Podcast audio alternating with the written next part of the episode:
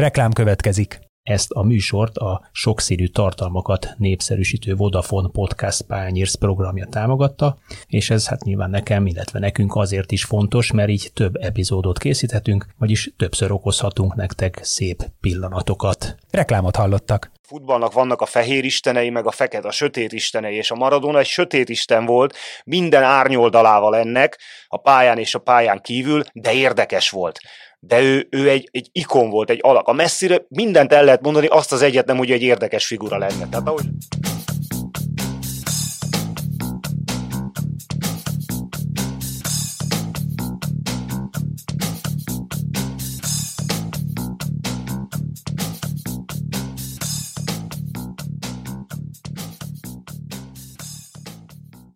Sziasztok, ez itt az Itzara 24.hu focis podcastja, én Kele János vagyok, és köszöntöm itt mellettem szokás szerint Kálnokik és Attillát, a 24.hu főmunkatársát. Szia Jani, köszöntöm a hallgatókat. Ha minden igaz, ez a 69. adásunk, vagy a 70 mert kicsit elbizonytalanodtam a múlt héten, majd ezt megfejtjük.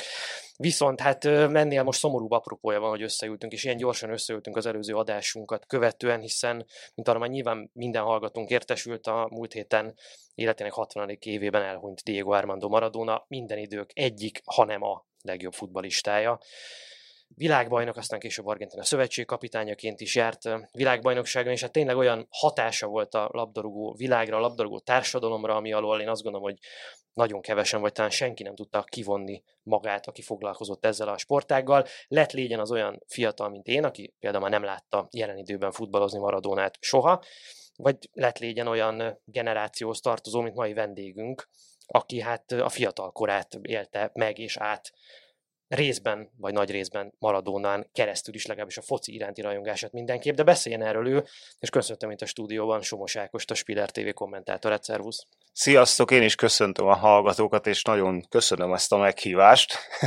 hogy Maradónával kapcsolatban gondoltatok rám.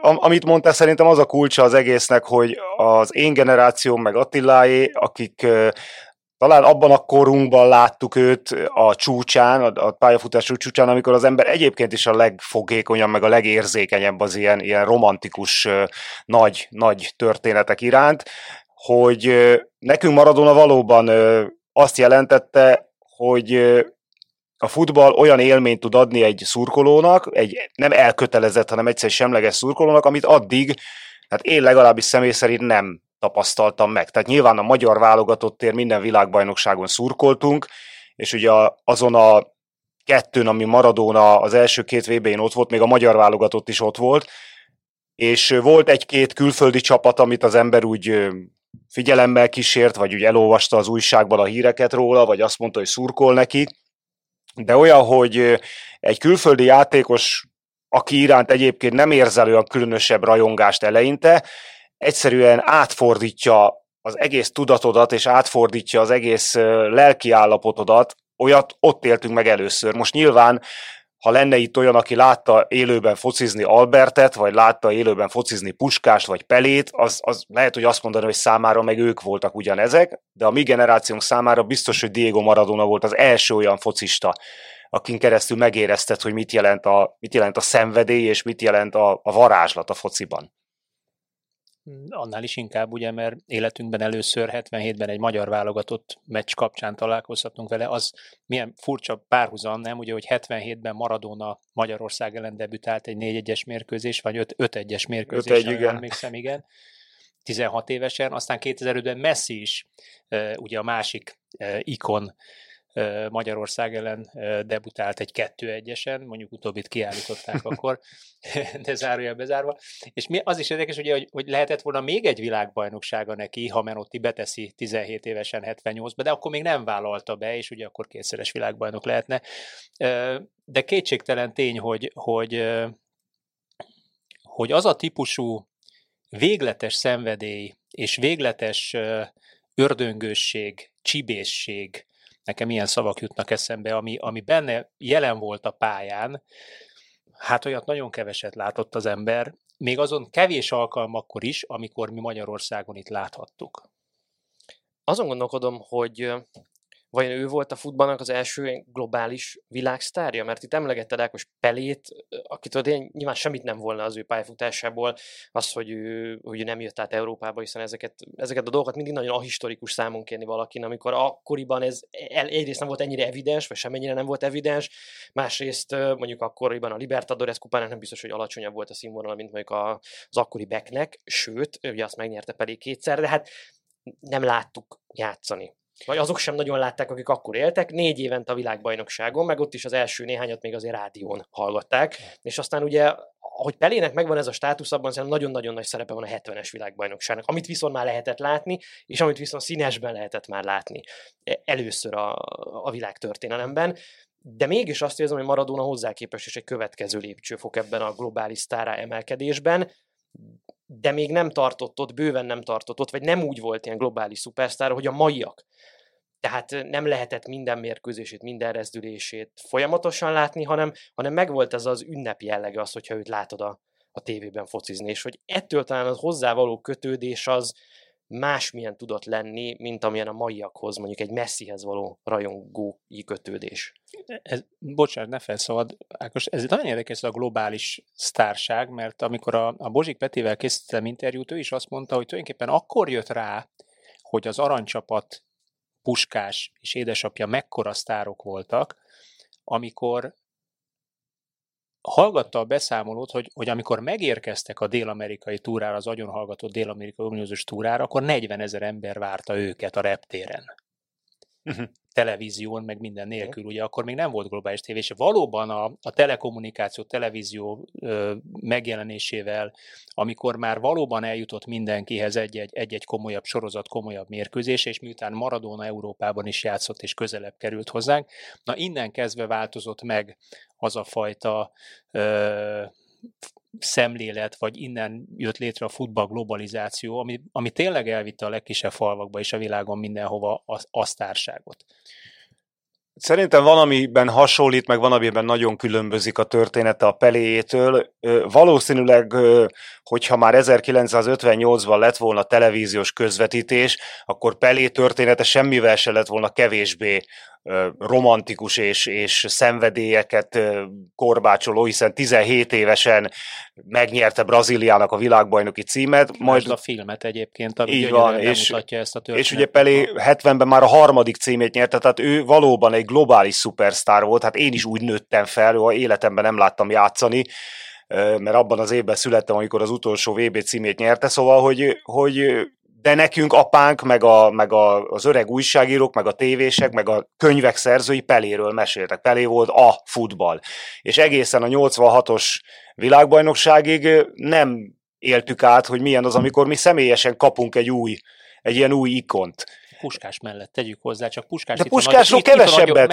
Ez, ez, ez sajnos hát politika, ez igen, nyilván meg ez a rendszer hibája volt, hogy ö, a családban a legenda élt Puskásról, de Puskásról semmit nem tudtunk. Tehát én speciál nem tudom megmondani, mikor hallottam először. Ki a nevét, ne, tehát, tehát az aranycsapatról és a 6-3-ról hallottam gyerekkoromban, de, de Puskásról és, és az egész történetről keveset, és, és ezért mondom, hogy Pelé valószínűleg valóban lehetett ugyanakkor a sztár, vagy még nagyobb, mint Maradona, de, de azt, azt, azt az élményt, amit az a 86-os világbajnokság adott, azt szerintem nem tudja lefedni ez, és ugye a nagyon nagy különbség, hogy Pelé mindig a világ legjobb csapataiban volt a legjobb. Tehát az a három brazil válogatott, amivel ő világbajnokságot nyert, az a futball történelem tíz legjobb csapata között van.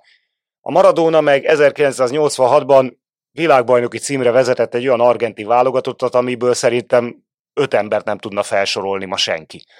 Tehát, és, és azért ennek a romantikája, amikor a idézőjelben leggyengébb csapatba beraksz valakit, mint a filmekben, és azt mondja, hogy gyerünk srácok, nyerjük meg, és senki nem hiszi el, és aztán tényleg megnyerik, akkor ez, ez, ez olyan hihetetlen romantika, amit, amit egyszerűen, én, én, sosem szurkoltam például az argentinoknak egyetlen tornás, azt az egyet kivéve szinte. Ami ugye még úgy indult 86 hogy mindenki a magyar válogatottnak szurkolt, és azt vártuk, hogy majd a mieink ott lesznek a legjobb nyolc között, vagy a legjobb négy között, akkor kiestek, akkor ott volt az a brazil csapat, amelyik szintén szenzációs volt, ma már nem is beszélnek róla az emberek, de hogy az 86-os brazil vagy francia válogatott milyen elképesztően nagy csapat volt, és, és ezeknek mind lehetett szurkolni, és mégis, mégis gyakorlatilag a kieséses szakasztól az ember semmi másra nem tudott odafigyelni, csak Maradónára.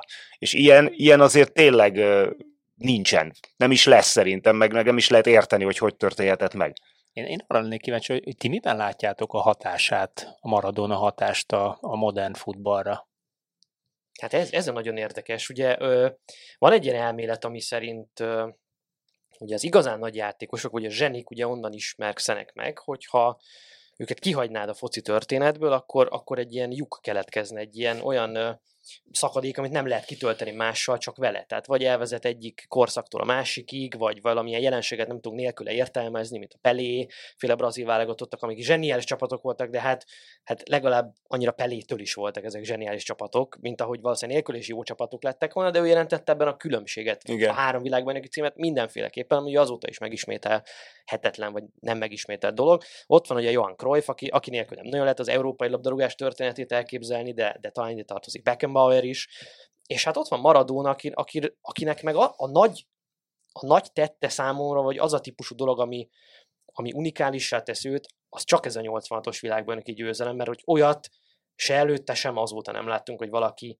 tényleg egyedül. És én azt gondoltam egyébként, hogy jó, jó, hát egyedül persze, hát az én azért fel tudom sorolni a Burutságát, fel tudom sorolni a Valdánót, a, talán a Golyko Ecseja, ugye a Brown volt. A, Nem a Golyko, Pumpidó volt még akkor a kapus, Ruggeri volt, tehát volt, volt néhány. Volt, talán, de, hogy, de hogy ezeket jó, valószínűleg nem ismernénk, ha nincs ez a 86-os csapat, de hogy azt gondoltam, hogy ebben van valamiféle barokkos ilyen nosztalgia, meg túlzás, hogy ő egyedül, de hogy nyert egyedül világbajnoki címet. És most a nyáron, a, vagy talán tavasszal, a karantén időszakban ismételgettek a, az M4-en világbajnoki mérkőzéseket, például azt a bizonyos Anglia elleni találkozót, de a Belgium elleni elődöntőt is ide számíthatnám.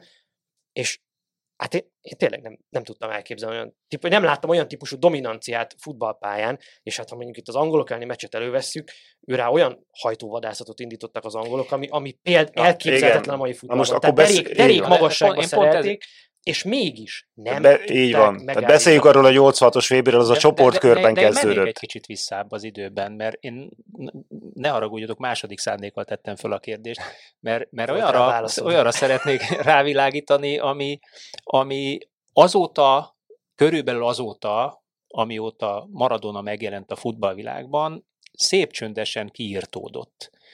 E, volt egy 83-as Atletico Bilbao Barcelona mérkőzés, ahol egy bizonyos Andoni Golkvecseja ugye úgy taposott rá végtelenül gusztustalan módon ennek a fiatalembernek, 23 éves fiatalembernek a lábára, hogy hónapokra kidőlt.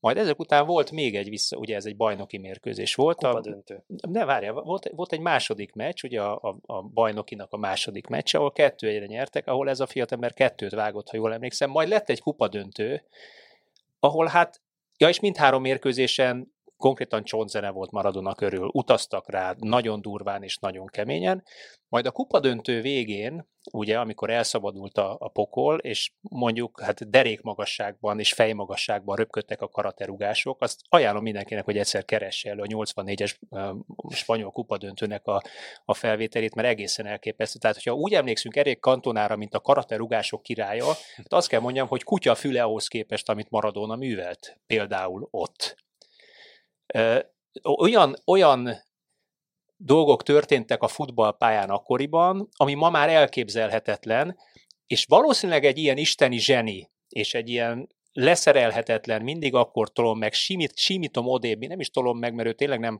rúgta, hanem simogatta a labdát bokán, úgy, mint oda lett volna ragasztva a lábára az embernek, úgy vezette a labdát, hogy valóban utaztak rá az ellenfelek, mert egészen egyszerűen másképp nem tudták megállítani, és akkor ezt a játékvezetők még hagyták. Ez a gólka csak 18 meccses eltítást kapott, amit aztán megfeleztek, meg még felez, megfeleztek jellemző módon akkoriban. Ha ma, ha ma ilyet, ilyet látnál, ilyen típusú becsúszást, hát ez körülbelül valóban az, hogy minimum annyi időre tiltják el, amikor majd visszatér Nem, a hát játékos menjünk, menjünk És vissza, változott akkor... egy kicsikét ez a, ez a szemlélet azóta, a játékvezetői szemlet, erre akartam kiugrani, bocs, hogy kicsit hosszú lett. Meg ugye már a 82-es világ. Na, azért mondom, menjünk, menjünk vissza 82-ről, a Maradona 20, 21, 22 évesen be volt harangozva már azért ott, hogy ő lesz a, az új nagy hát akkor világsztár.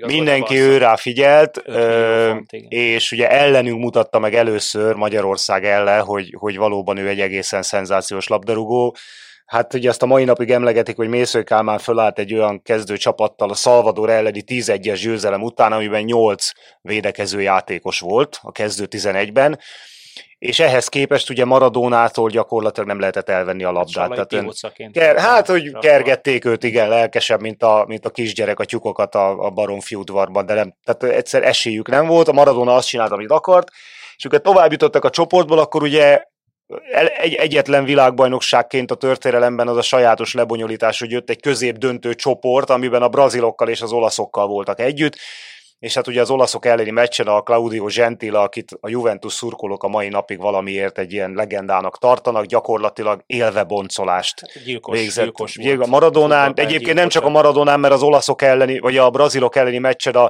mai, máig meg, vagy a Zico megy a játékvezető, és mutatja a cafatokra szakadt mezét a nem tudom, a meccs közepén, tehát hogy konkrétan le volt tépve róla a mez, és így mutatta a bírónak, és hát a Gentilót agyonrugta, szétrugta a Maradónát, aki a, ugye aztán úgy távozott a világbajnokságról, hogy a brazilok elleni meccsen nála is eldurrant, eldurrant az agya, és melbe talpalt valakit, kiállították, és akkor leírta a sajtó, hogy akkor Maradona megbukott, Maradona nem lesz világsztár, és négy évvel később, ugye négy évvel idősebben visszajött egy Weber, és tényleg én is azt ajánlom, hogy nézze meg mindenki, mert van olyan ö, ilyen gyűjtő összefoglaló a, a YouTube-on, amin azokat a összefoglalókat vették ki, ahol a Maradona már a csoport meccsbe, meccseken a dél-koreaiak meg az olaszok ellen gyakorlatilag folyamatosan a földön van. Tehát ha nem is nyújtott lábbal, de minden egyes alkalommal, hogy megtolta a labdát, őt ilyen derék magasságba azonnal rúgták vagy lökték, és az történt, hogy ez szökkent így kettőt, hasra esett, majd fölpattant, és vitte tovább a labdát. És egyetlen egyszer nem állt bele, nem provokál, nem hagyta magát provokálni, nem foglalkozott vele, nem reklamált, és az egész világbajnokságon aztán az Uruguay ellen volt egyébként a nyolcad döntőben az első meccs, amit egy núra nyertek meg, és nem őlőtte a gólt, de ami után először leírták, hogy ez most tényleg isteni. Emlékszem, ez így volt valamelyik, talán a népsportban volt, hogy most tényleg isteni, hogy, hogy egyszerűen odatták neki a labdát, és nem tudtak vele az urugváiak mit kezdeni, hát pedig azért ők se aprózták el. És hát akkor ezután jött aztán még az angol meg a belga meccs, azt akartam ezzel mondani, hogy ami igazán lenyűgöző Maradonában, és amit azóta nem láttam én, tehát tényleg nem láttam soha senkitől, hogy ott bizonyította be azt a szerintem nagyon-nagyon fontos dolgot, hogy a tehetség az egyet jelent a tehetség jelentette felelősség felvállalásával. Tehát ami 82-ben még nem volt, mert ő egy fiatal, taknyos gyerek volt, akinek a végén elszállt az agya. És 86-ban a 64. falt után sem állt bele, hanem ott értette meg valószínűleg azt, talán nem is tudatosan, ösztönösen az ilyen alulról jött ösztönös zseniknek az érzékével, hogy, hogy mit jelent az, hogy, hogy ebben a csapatban neki kell megnyerni a meccseket. Hogyha százszor fölrúgják, akkor százszor feláll, és ad két olyan paszt, amivel megnyerik a meccset, és ez mindennél jobb válasz, ez mindennél méltó válasz. És nagyon sok olyan tehetséget láttunk azóta a futballban, akiknek az adottságai, ha nem is maradónai szinten, de, de zseniálisak voltak, és azt érezzük, hogy talán azért nem lettek a legnagyobbak, mert ezt a felelősséget nem tudták felvállalni. Hogy egyedül kell megnyernem ezt a meccset, és azt csak úgy tudom megnyerni, hogyha mindent elviselek. Szóval ez valami, ez valami olyan heroikus dolog volt a Maradonától, aminek aztán szerintem törvényszerűen lett az a jutalma, hogy amikor a döntőben a németek tényleg kikapcsolták, és nem nem rúgták agyon, a Mateusz őrizte, és ugye ott, ott, ott nagyon szépen megfogták őt igazából az egész meccsen, de a 89. percben, 88. percben azért csak ő adta azt a labdát a burutságának, amivel bement a kapuba a legvégén. Hogy ez valami ilyen, ilyen, ilyen jutalom volt szerintem. Beszéljünk egy picit arról, ami, ami szintén elképzelhetetlen már a mai futballban, hogy valaki egy ilyen világbajnoki szerepléssel megalapozza az életre szóló karriert, és nem azt akarom mondani, hogy az, hogy a Nápoly a bajnoki címet nyert, meg UEFA kupát, meg hasonló dolgot, hogy ez nem nagy teljesítmény, mert nagy teljesítmény, de hogy azért a Maradona legendájának nem az az alapja, hogy ú, amikor a szériát megnyerte a Nápolyal, meg... Azért az is. Igen, de hát ugye azt nem annyira Azóta se nyertek. Azóta se nyertek egyébként, mert nyilván az a széria az, az valami döbbenetesen erős bajnokság volt akkor.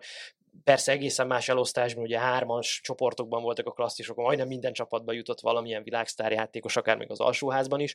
De, de hát azért mégiscsak az van, hogy az ő idejében a világbajnokság volt a futball non plus ultrája. És hát, hogy ma ez, ma ez nagyon-nagyon nem így van. Uh-huh. Egyébként az előbb akartam mondani, hogy a Cruyff ilyen szempontból szerintem az egyetlen olyan, olyan valid párhuzam, ami szerintem megáll a Maradónával szemben, sőt talán még fontosabb is az ő szerepe, mert ugye Cruyff aztán a... Karrier, igen, tehát ő, ő tényleg átértelmezte a modern futballt, amit a Maradona azért nem tett meg, legalábbis ugye a pályafutása után, de ez, amit mondasz, hogy, hogy azért a Maradonának a választásai és az egész egyénisége, ahogy ő hozzáállt a futballhoz, az, az, az nagyon szerintem, szerintem túlmutat annál, ami, ami csak a szakma.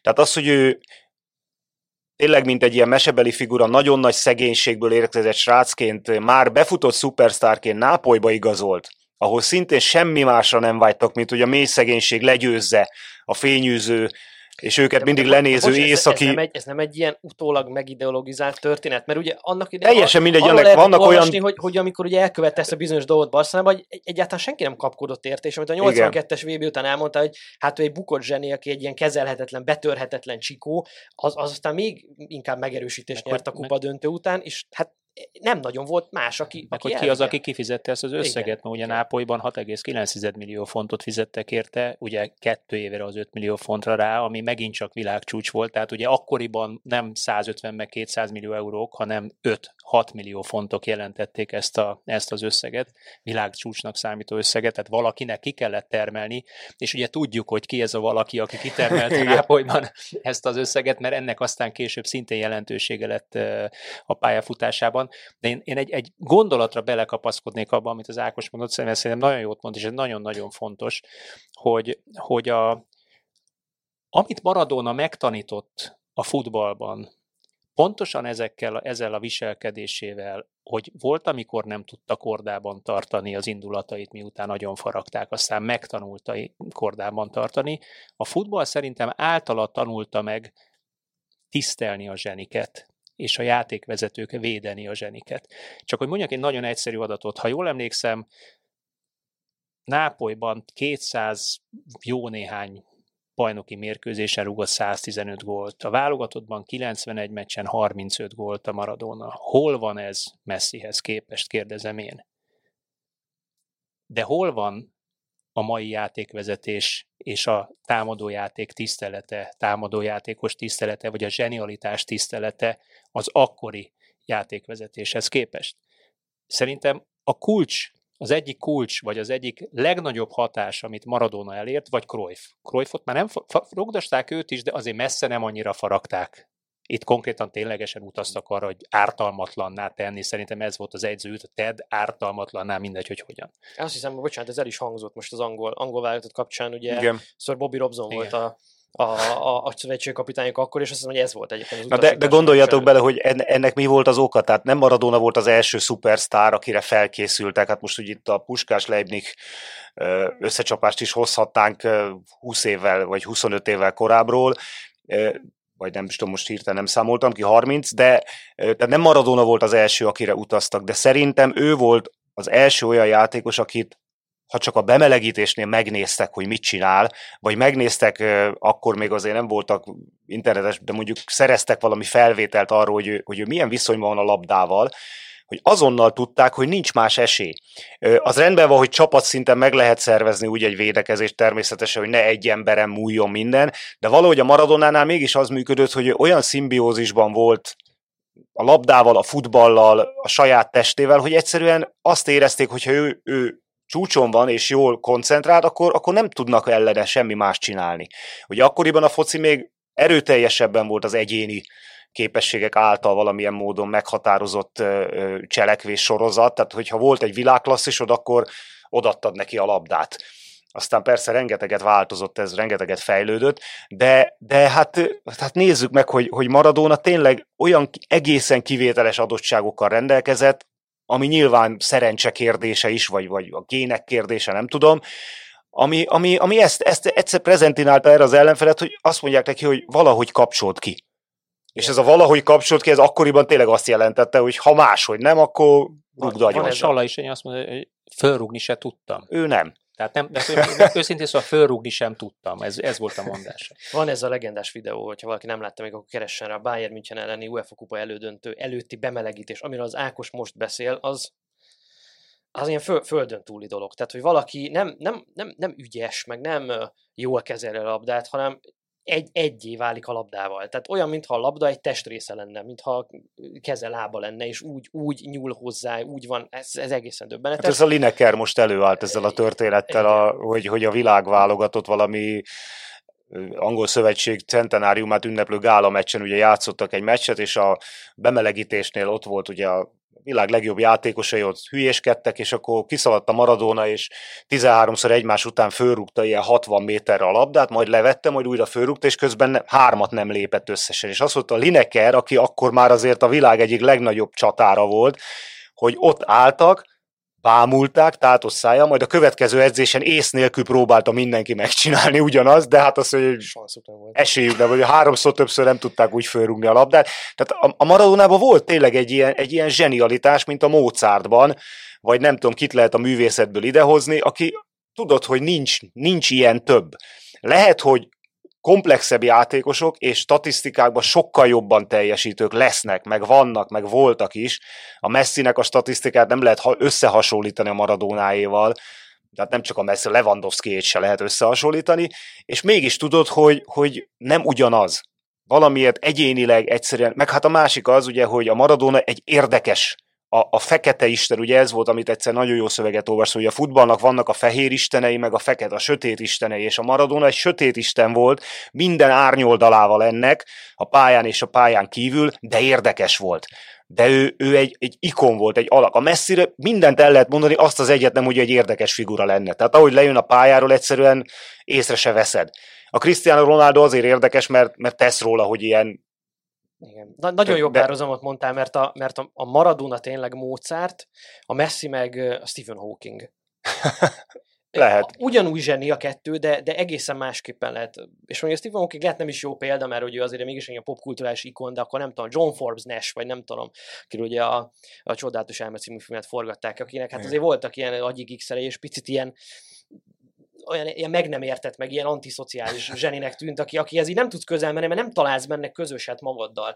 De hogy közben meg a Maradona vagy a Mozart ugye úgy volt zseni, hogy egyrészt erőfeszítés nélkül, tehát tényleg valami isteni adottság sugallat, másrészt viszont ugyanolyan gyarló tudott lenni egy csomó kérdésben, mint amilyen te vagy, és azért megtaláltad vele a, a kapcsolatot. Egy sztori jutott még eszembe itt, a 90-es VB, és ez, ez is most került elő, hogy a ottani nyitómérkőzés, ugye Kamerun-Argentina volt, meg is nyerték a kameruniak, hogyha jól emlékszem. De hogy a, kameruni, piros lappal. a kameruni játékosok a játékos kiáróban a mérkőzés előtt többen elsírták magukat attól, hogy a Maradónával együtt léphetnek pályára. Hogy ezt, ezt ma elképzelni. És sok, nem, nem csak azért, hogy a Maradona mekkora volt, hanem hogy ugye ilyen távolság volt még akkor a futballisták között. Tehát hogy a kamerőnek nem, nem látták a Maradónát, tehát hallottak róla, meg a, ők is nézték a tévében, vagy de hogy most egy pályára lépetek vele, tehát ettől így borsodzik az Igen. Által. Hát uh, itt ugye átlépünk egy ilyen kicsit transzcendentális részbe, mert uh, ha a futball mondjuk azt mondanák, hogy vallás, akkor ugye a Maradona lenne ebben ebben az univerzumban a futball istene, tehát nem a, nem a pápája vagy a papja, hanem az istene. És én most végignéztem tényleg a neten az összes ilyen világ nagy futball szaklapnak a címlapjait, amikor meghalt Maradona. Hát tényleg nem túlzok, tízből tíz az Isten szóval valamilyen módon játszott. Tehát ö, egyszerűen és ez most már, erre már lehet azt mondani, hogy ez nem, ez nem blaszfémia szerintem, ez egyszerűen úgy van, hogy nincs még egy futbolista, aki a, a földön túli nagyságot ilyen szinten ö, magának vindikálta volna a futballban. Tehát tudjuk róla, hogy nem volt hibátlan, sőt, nagyon gyarló volt, és azt is tudjuk, hogy a, az aktív pályafutása utáni élete a futballban és a futballon kívül az minden volt, csak nem a siker, meg nem a nagyság, de mégis, amikor azt olvasod egymás után tényleg a, a, az összes spanyol, olasz, angol, angol, tehát francia, Na, minden, minden, minden, minden, minden sportlapnál, hogy, hogy megtért Istenhez a futball istene, meg Isten meghalt, meg, tehát ez, e, ez, vagy Isten él, tehát hogy ez azt jelenti, hogy, hogy Maradona valami olyasmit nyilván a világ egyik legvallásosabb országában élt, tehát azzal a környéken eleve őt, őt így kezelték, de hogy, de hogy nem csak ott, hanem az egész, még az európai kultúrkörben is valamiféle ilyen transzcendentális aurája volt, és ennek szerintem egyértelműen az a 86-os világbajnokság az oka. Mert aki azt látta, az azt mondta, hogy ez, ez nem evilági. nagyon furcsa tátott szál hallgatnak benneteket, és az jutott eszembe, hogy, hogy hogy lehet, hogy ez neki meg volt írva, tehát amikor valakinek úgy indul a karrierje, mert olyan tehetséggel áldotta meg a jóisten, hogy mondjuk van egy Argentinos Junior, azt hiszem, vagy mi volt a neve annak a klubnak, ahol ő kezdett, és ahol 16 évesen bemutatkozott az első osztályban, hogy már 12 évesen ebben a klubban ugye labdát szedett, és a, a szurkolók egyébként többnyire azt csodálták az anekdoták szerint, hogy a kis csávó a szünetben mit művel a labdával. Tehát ugye ez a fölrugom 60-szor, és, és visszaesik, és nem esik le a földre, megint légstop, fölrugom. Ezt uh, akkoriban is gondolom lehet, hogy nem 60-szor, de egy párszor vagy hasonló trükköket bemutatott. Tehát, hogyha valaki egy klubnál így alapozza meg a, a, az életét, hogy már tátott szájjal nézik a szurkolók gyerekkorában, és egészen kis gyerekkorában, majd ott mutatkozik be, öt évet ott lehúz, kétszeres gól király lesz abban a csapatban és 21 évesen megy el egyébként egy nagyobb klubba, vagy 20, 20 évesen a Boca Juniorsban, aztán megint gól király lesz. Tehát Argentinában szerintem neki olyan nimbusza alakult ki, világcsúcsért, világcsúcs átigazolási összegér megy el, ami, ami hát valószínűleg azóta sem volt, hiszen Messi már nem így nőtt föl, ugye az őt követő hasonló példakép, hiszen ő már egészen kis gyerekkorában elment, elvitték Argentinából ezáltal ott nem is lehetett ilyen kapocs a néppel. Hát, igen, Maradona egy mesei, egy népmesei figura, tehát így van, tehát őt abszolút úgy kezelték, igen. Nem, nem halázták le. Hát szerintem egészen... a Messi Maradona, ugye, ugye éveken, meg évtizedeken keresztül keresték az új Maradonát ugye az argentinok, tehát itt volt a, az Ortega, Ortega, meg a, az Aymar, meg a D'Alessandro, nagyon sokan voltak, és valahol ez is egy ilyen argent, tipikusan argentinian sorstragédia, amikor megtalálták az új Maradonát, az valamilyen módon nem az övék, vagy nem érzik a sajátjuknak igazából. Hiszen ugye ez állandó kritika Messivel szemben, nem játszott Argentinában, nagyon fiatalon elment, és hogy az argentinok ez, ezen a, a mély néplélek szintjén nem érzik maguk közül valónak. Ezt picit idegennek érzik, és van ez az eleve elrendelt idegenség messziben, amiről az előbb próbáltam beszélni, ez a picit ilyen autizmusra hajló dolog, vagy nem tudom, Asperger szindrómás dolog, ami picit eleve idegenni, ufóvá teszi így az, az emberi társadalomban is. Miközben neki mennyi több lehetősége lenne, mint Maradona Maradonának volt, hogy a tömegkommunikáció azóta egy évszázadnyit fejlődött, mennyivel több lehetősége lenne Messinek, ha ő olyan egyéniség lenne, hogy, hogy ezt építse, ezt, a, ezt, a, ezt az imást, de ő egyszerűen nem ilyen. Egyébként ezt én igazságtalannak tartom, hogy őt nem, de nem, nem, nem vagyok argentin, hogy ezt most megítéljem őket, de hogy nyilván tettő annyit azért bőven már az argentin válogatottért is, mint Maradona, csak hát tény, hogy, hogy Isten csak egy van, és azt nehéz cserélni, vagy konstruálni egy újat.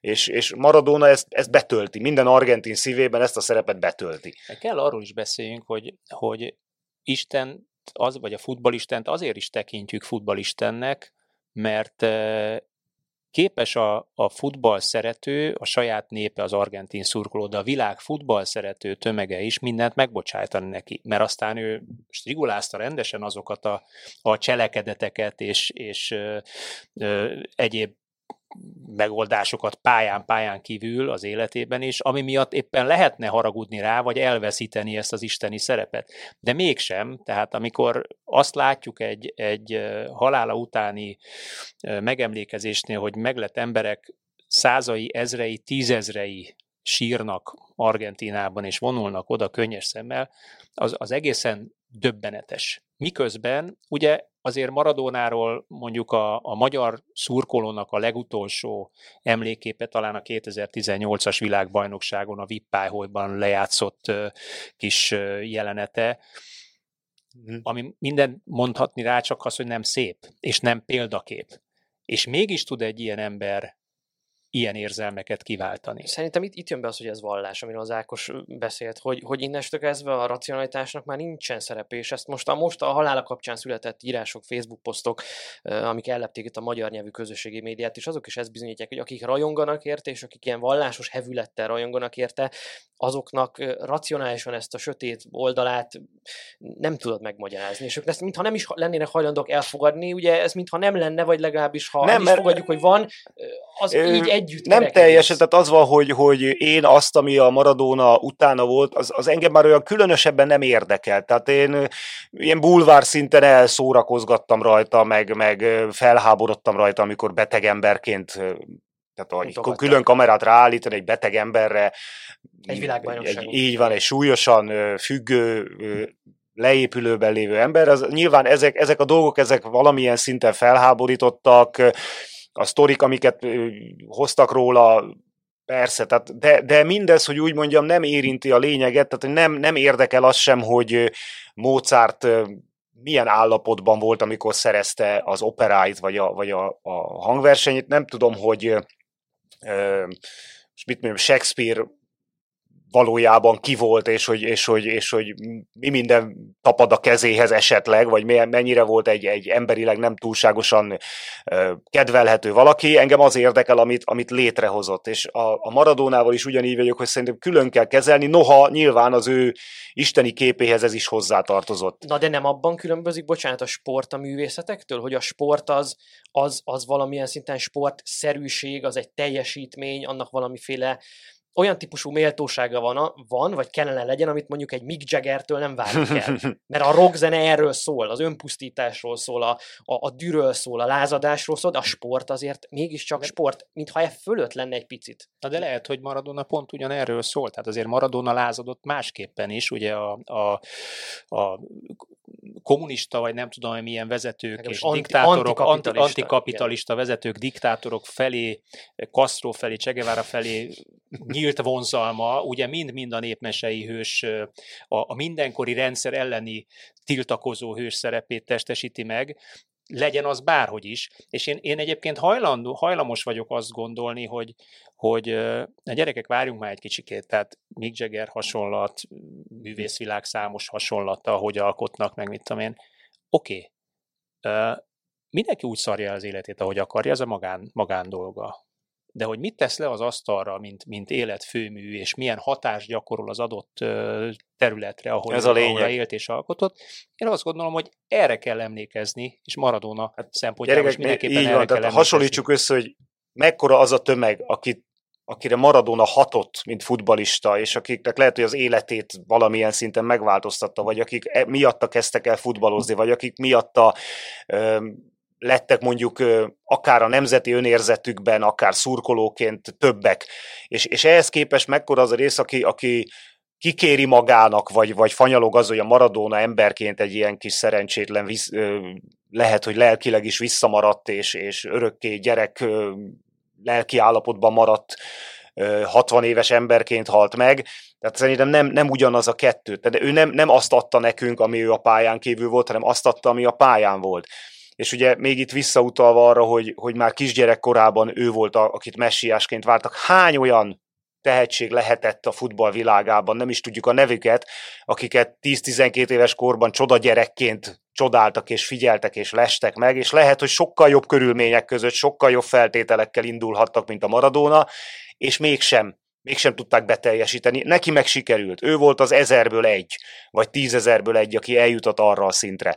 És hát igazából ebben van, a, ebben van a csoda. Itt egyébként nyilván például Puskást nyugodtan föl lehet hozni analógiának, aki szintén egy olyan körülmények között, olyan rendszerben, olyan hátrányokkal indult, egyszerű ö, gyerekként jutott el tényleg a legmagasabb csúcsokig, hogy, hogy a világ számos országában bálványozzák, és ezt a futball tette, meg az, hogy, meg hogy ők éltek azzal a felelősséggel, amit a tehetségük, amit a tehetségük jelentett. Hogy látjátok, van még esély arra, hogy ilyen népmesei történeteket generáljon a futball, a mai futball biznisz, a mai futball iparág? Hát egy volt a közelmúltban, a Leicester City bajnoki címe, én azt tudom mondani, hogy azt talán hasonló, de... üzletember így, így van, nyilván, nyilván, tehát olyan, tehát igen, tehát olyan, hogy valaki ö, szinte szembe megy azzal, ami, ami akkorra már meghatározza a, a futball közeget, és, és annak ellenében lesz szupersztár, hát nem tudom, nagyon nem, nem valószínű. Hiszen ma már tényleg az van, hogy az utolsó tehetséget is, az utolsó eldugott, nem tudom én milyen afrikai, vagy, vagy ázsiai, vagy dél-amerikai pályán felnőtt tehetséget is monitorozzák, és mint a Lionel Messi 13 évesen kiemelik, és elviszik, és, és fölépítik, és megadnak neki mindent. Tehát ilyen szempontból már ezeket nem nagyon lehet valószínűleg ilyen népmesei történetnek nevezni, és nem biztos, hogy lesz még egy. Szerintem azért nem, mert mai világban, a mai kommunikációban és a sportkommunikáció és minden tervezett, megtervezett, előre megtervezett. Maratona életében semmi nem volt megtervezett. Az égvilágon semmi. Az olyan spontán volt, hogy ihaj, minden végletével fölfelé és lefelé.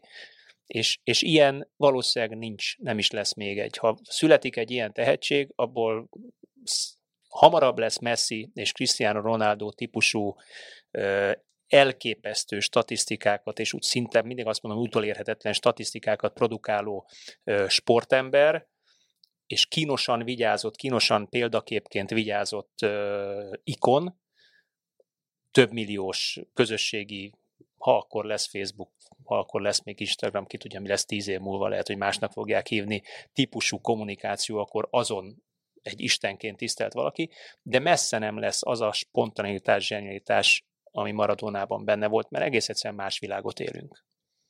Diego Maradónára emlékeztünk a magunk szegényes eszközeivel. Köszönöm Ákos, hogy ebben segítettél nekünk, és itt voltál velünk, a hallgatóknak pedig a figyelmet köszönöm, és arra kérem őket szokás szerint, hogy tartsanak majd velünk a jövő héten is, amikor egy más, bizonyosan örömtelibb témával jelentkezünk. Sziasztok! Sziasztok! Sziasztok!